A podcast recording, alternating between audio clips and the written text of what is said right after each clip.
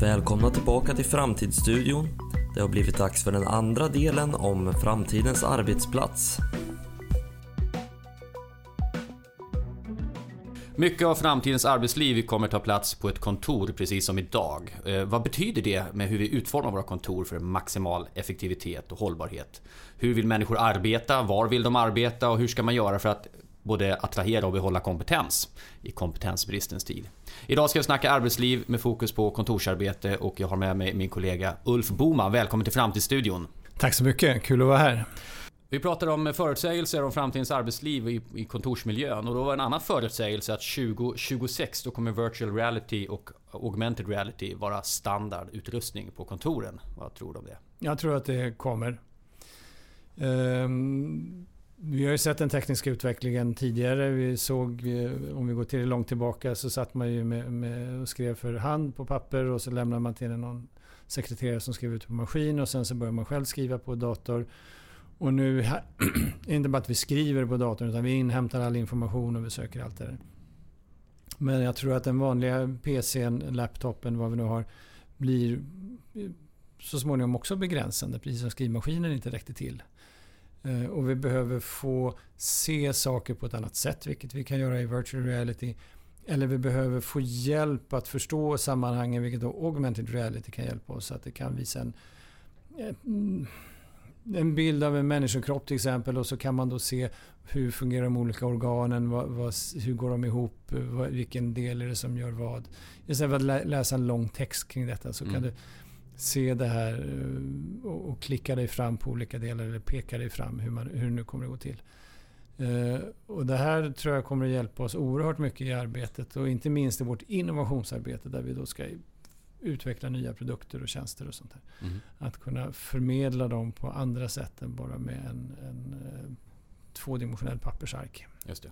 Och bara för tydligare, augmented reality, då ser vi så säga, verkligheten men med tillagd information. Då. Ja. Ja, till skillnad från virtual när allting är digitalt. Hela, hela bilden är digital. Precis. Mm.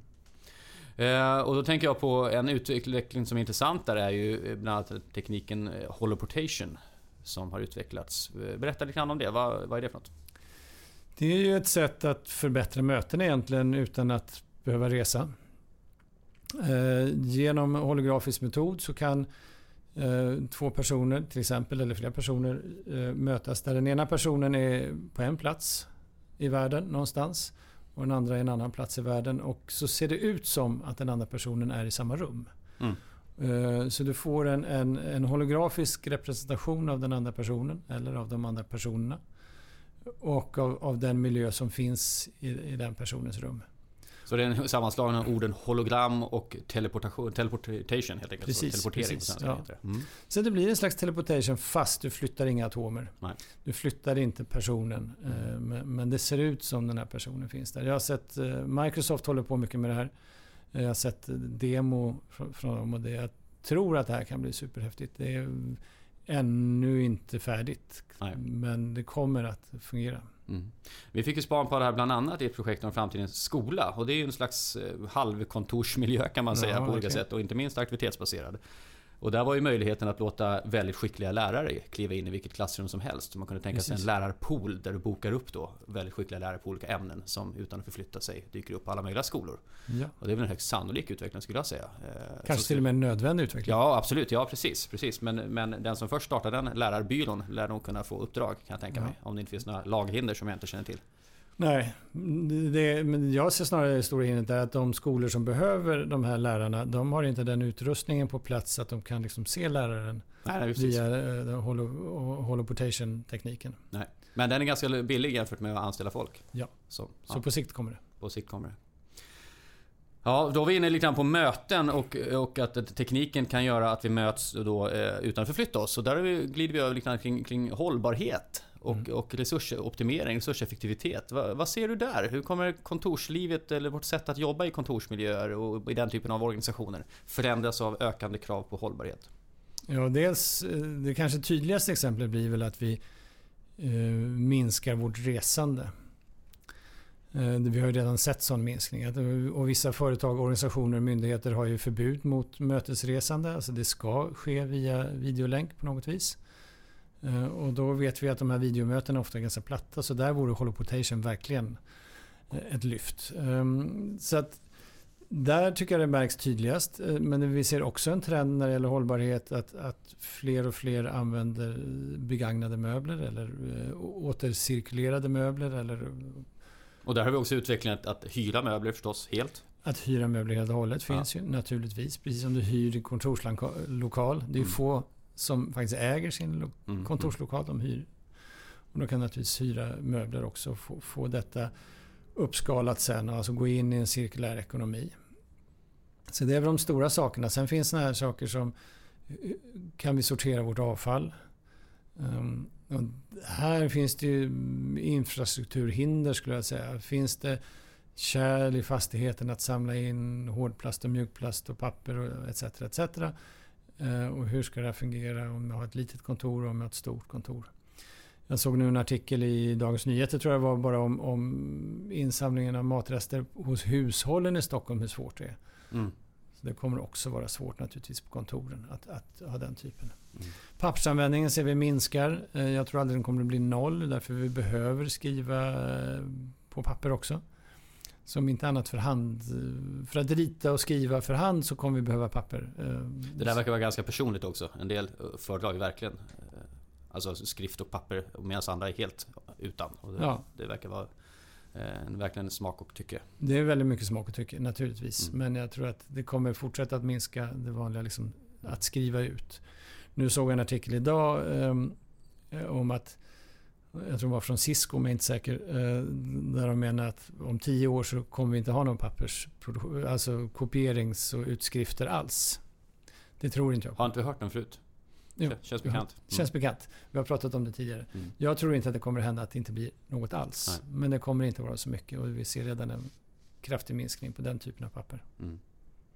När vi nu pratar om papper och att det är lite tycke och smak att använda papper. Att folk är ju olika har vi varit inne på. Och, eh, Framtidens arbetsplats skulle man ju kunna tänka sig hade ett större spann av personer, alltså människor och kompetenser, eh, bakgrunder naturligtvis, men också åldrar. Folk jobbar längre. Eh, men också att eh, i kampen om kompetensen så kanske vi kan se företag och organisationer som gör det lättare för människor som idag är funktionshindrade av arbetsmiljöer att faktiskt ta en plats och vara med och bidra. Är det en rimlig gissning tror du framöver? Jag tror att det är en rimlig gissning.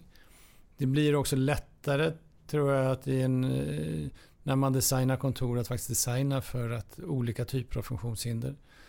Eh, när man säger funktionshinder så är det så lätt att tänka på någon som sitter i rullstol men det behöver inte alls vara det. Det kan vara någon som har problem med, med hörseln eller synen eller eh, talet eller kanske har gravt dyslektisk eller vad det nu kan vara. Mm. Så en del av det här syns och mycket av det syns inte alls men det finns där ändå. Och det här tror jag vi kommer att kunna stödja på, på, på andra sätt. Dels därför att vi vet om det bättre. Kunskapen om de här svårigheterna blir mycket, mycket större eh, och sen möjligheten att genom olika tekniska hjälpmedel eh, hjälpa de här personerna så, så kommer det att underlättas. Mm.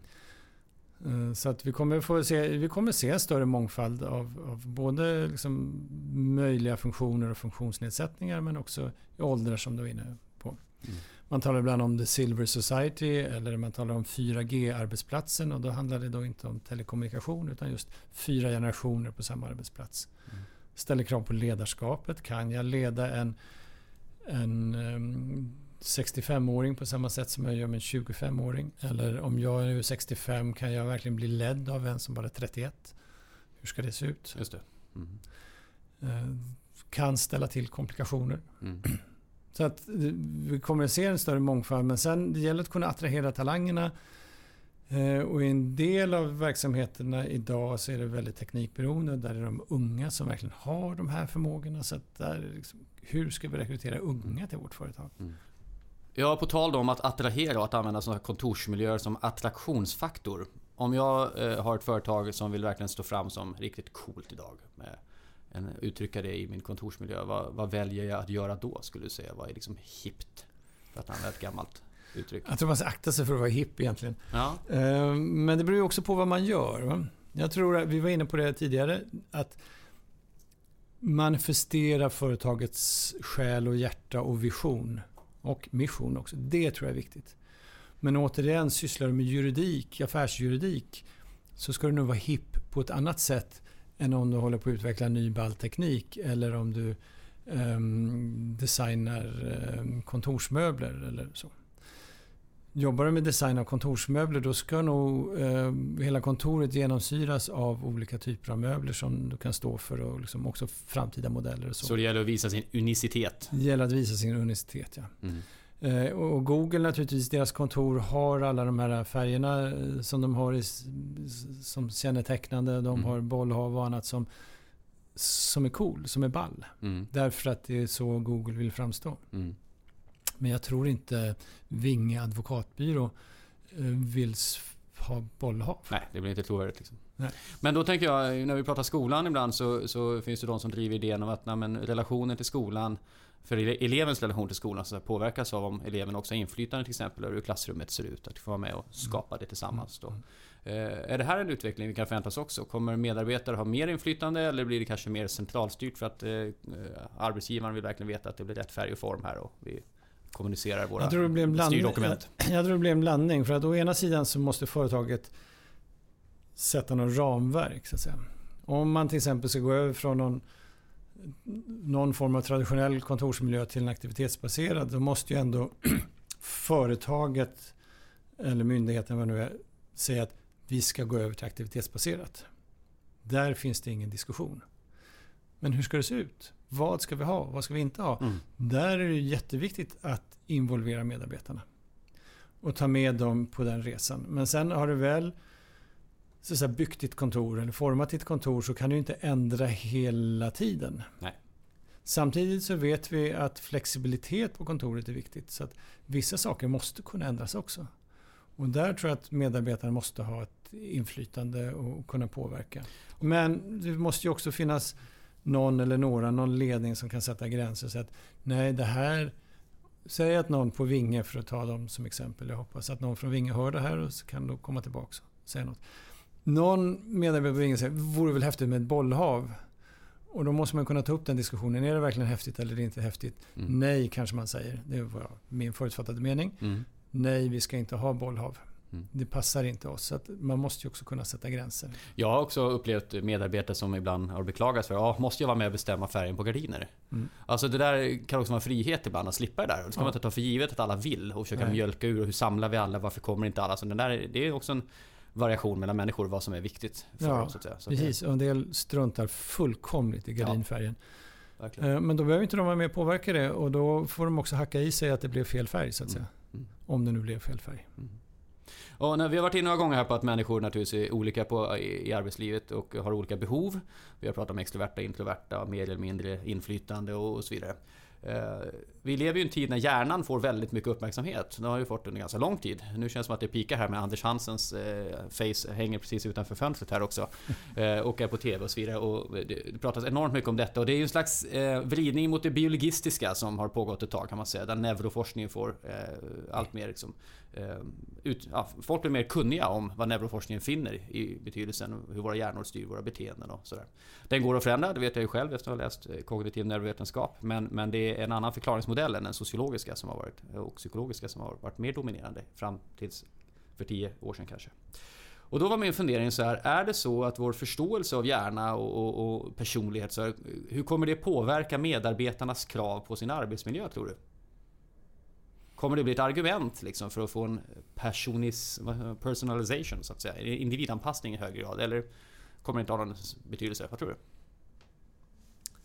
Jag tror att det kan spela roll eh, just att man säger men jag är på det här och det här viset och min hjärna funkar så här så jag vill att, att eh, kontorsmiljön ska, ska främja mitt beteende. Ehm, men på ett sätt så blir det ointressant om det är hjärnan eller vad det nu är. Vi är olika som personer. Av eh, mer biologiska orsaker eller mer sociala orsaker. Arv och miljö, arv och miljö hela tiden. Ehm, och det säger faktiskt Anders Hansen också, att det finns både arv och miljö. Ja, absolut. Ja, det går inte att dela på riktigt längre. Det är en Nej. ganska meningslös distinktion. Nej, det ja. finns både och. Mm. Ehm, jag tycker det är viktigt att se att vi är olika som individer. Mm. Och här är en sak som jag har förfäktat länge. att Å ena sidan så ska vi behandla alla lika. Vi ska ha ett jämlikt och jämställt samhälle och behandla alla lika. Men vi måste också se varje individ och särskilt på ett kontor så kan man ju se varje individ. Och då måste vi behandla varje individ individuellt därför att han eller hon är olika. Mm. Och det innebär att vi måste, för att behandla alla lika, måste vi behandla alla olika. Och det här blir ju lite grann av en paradox. För att hur ser jag till att jag möter dig på samma sätt som jag möter Katarina? Ja, inte på samma sätt utan lika bra. Ja, Ja. på ett likvärdigt sätt menar jag. Mm, Förlåt, på ett mm, likvärdigt mm, sätt. Så att ni känner att ni har blivit lika behandlade fast ni är helt olika personer Mm. och personligheter. Mm.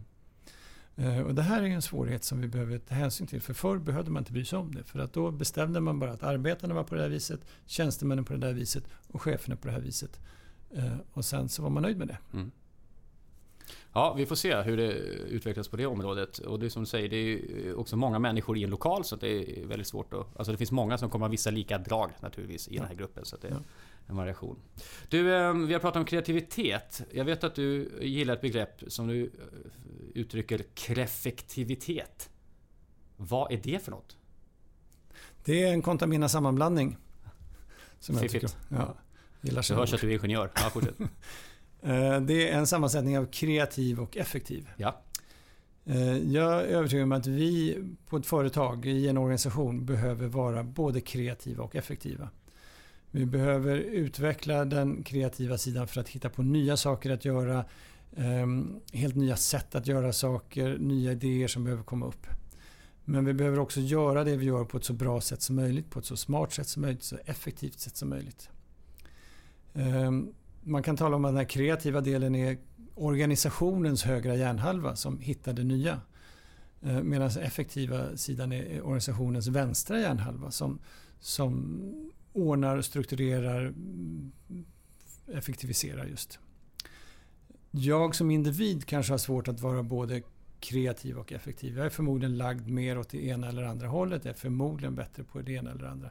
Men vi som organisation kan få ihop de här två hjärnhalvorna och de här två sätten att jobba. Och då gäller det att man inte är lobotomerad utan att det faktiskt finns samband mellan de här två hjärnhalvorna så att de stärker varandra.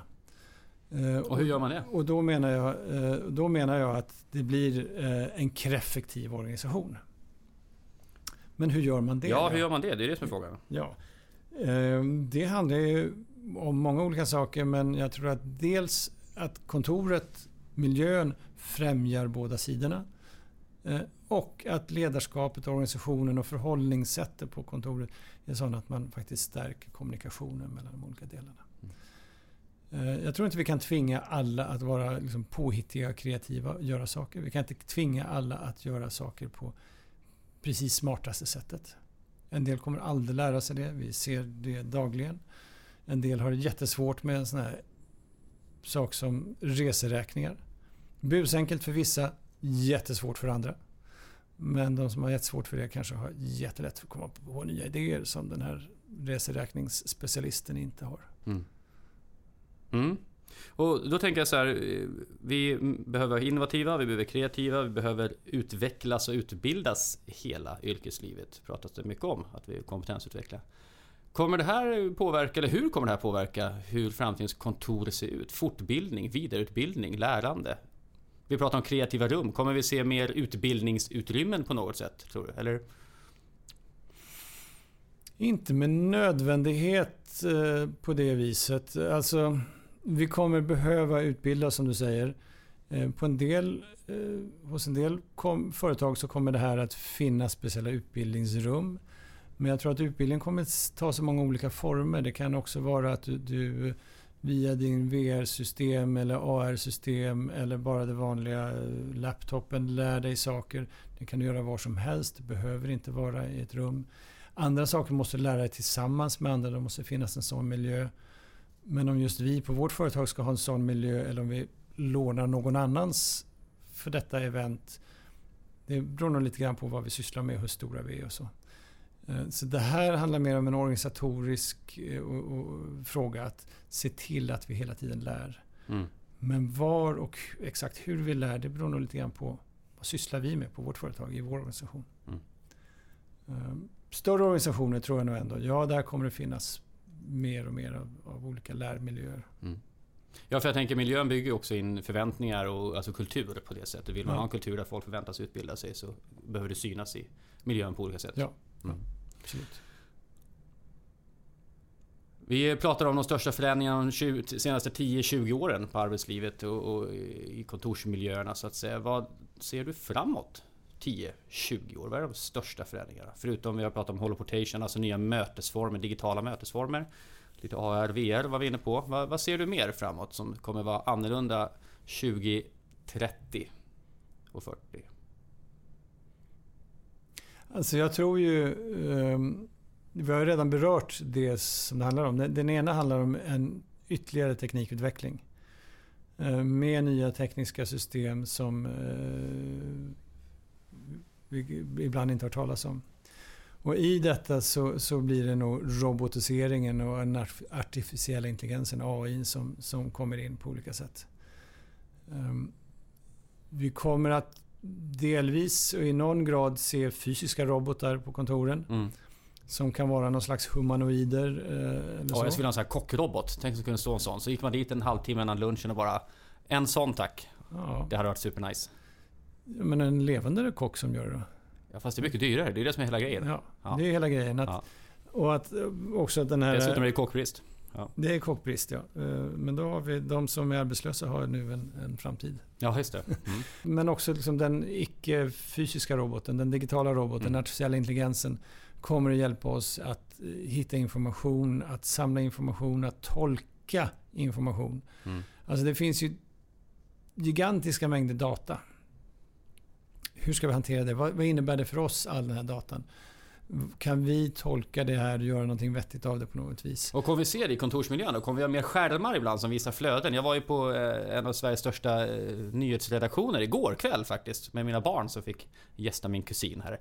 Eh, och då var det ju satt i skärmar om hur mycket aktivitet det var på hemsidorna. Alltså på deras sidor då. Hur mycket videorna funkade och alltså hur mycket folk laddade ner eller tittade så att säga. Kommer vi se mer sånt i alla typer av organisationer Ja. med hjälp av den här datan? Ja, Mm. det tror jag. Där man belyser sån data som är viktig för den verksamheten. Eh, Så att det behöver inte vara hur många nedladdningar det är av någonting Nej. just nu utan det kan vara någonting helt annat. Ehm, Och AI kommer också hjälpa oss att fatta beslut och kommer att vara med i beslutsdiskussionerna. Mm.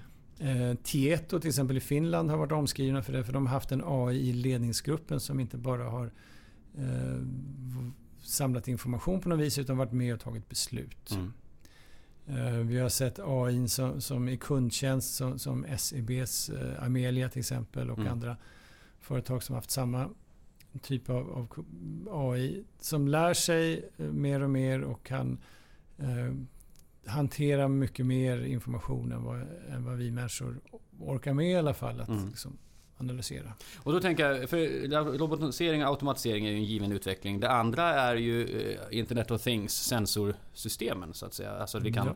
veta mycket mer vad som händer i lokaler. Vad folk gör och vad som sker, aktivitet och, och Ja. användning. Men också i någon mening och säkerligen om 10-20 år garanterat veta så att säga graden av produktivitet i ett rum.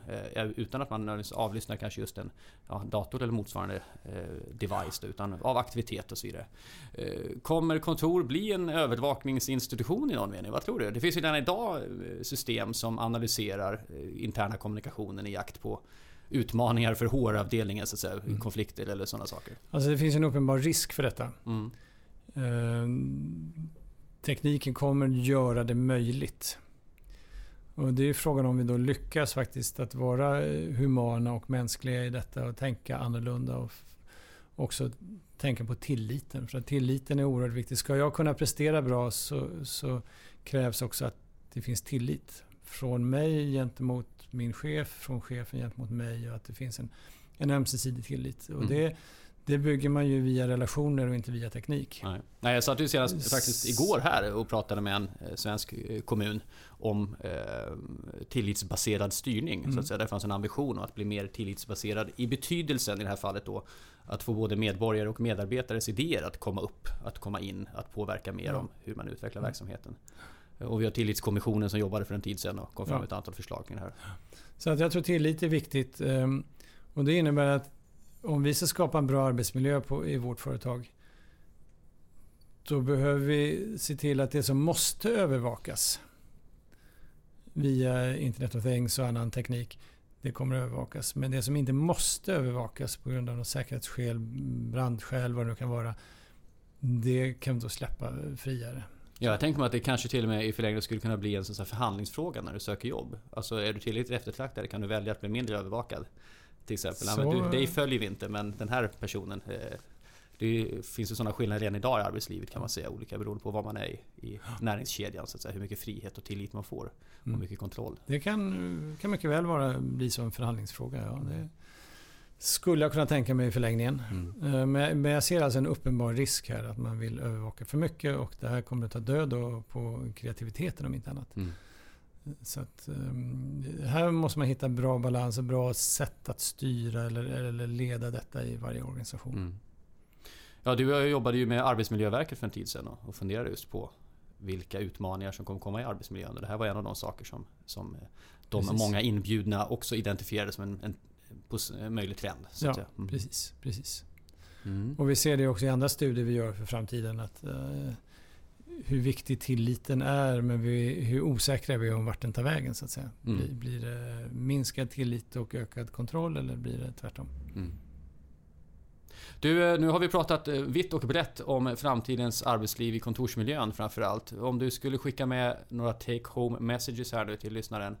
Vad tycker du är viktigast att tänka på inför framtidens arbetsliv? Jag skulle säga att en av de, ja för att summera egentligen, den viktigaste summeringen är att kontoret är ett av de viktigaste arbetsverktygen. Många tänker bara liksom på, på en dator och en laptop och en penna som arbetsverktyg. Men jag menar att kontoret är det också. För att vi ska kunna göra ett bra jobb i våra organisationer, för att vi ska kunna vara effektiva, eh, då krävs att man tänker igenom hur kontoret fungerar och hur kontoret då hjälper oss att göra det vi behöver göra.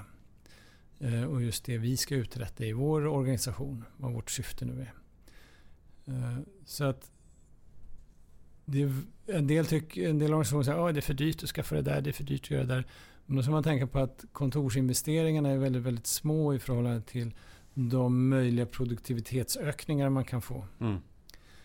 Eh, om människor känner sig trygga och säkra i den här arbetsmiljön, om människor kan prestera bra på olika sätt och, och göra ett bra jobb. Eh, så att kontoret har en, en fundamental och viktig helhetsfunktion som jag tror väldigt många glömmer bort. Mm. Och där vill jag slå ett slag för detta. Tänk på kontoret. Tänk på hur det är utformat, hur det är designat. Hur det hjälper oss att göra det vi ska. Att hjälper oss att nå vår mission och vision. Eh, det är nog min starkaste takeaway. Mm. Får jag lägga till en sak som jag har klurat på lite grann? Eh, inspirerad av research vi gjorde när vi höll på med en skolstudie. Och det var en, ett skolprogram som finns i USA som heter Knowledge is Power Program. KIP-skolorna som nu finns på många, många ställen. Och deras uppdrag var ju att hjälpa barn till barn, alltså barn till föräldrar som inte gått på college att lyckas komma in på college bland annat. Och på en av deras väggar står det väldigt enkelt så här. Work hard, be nice.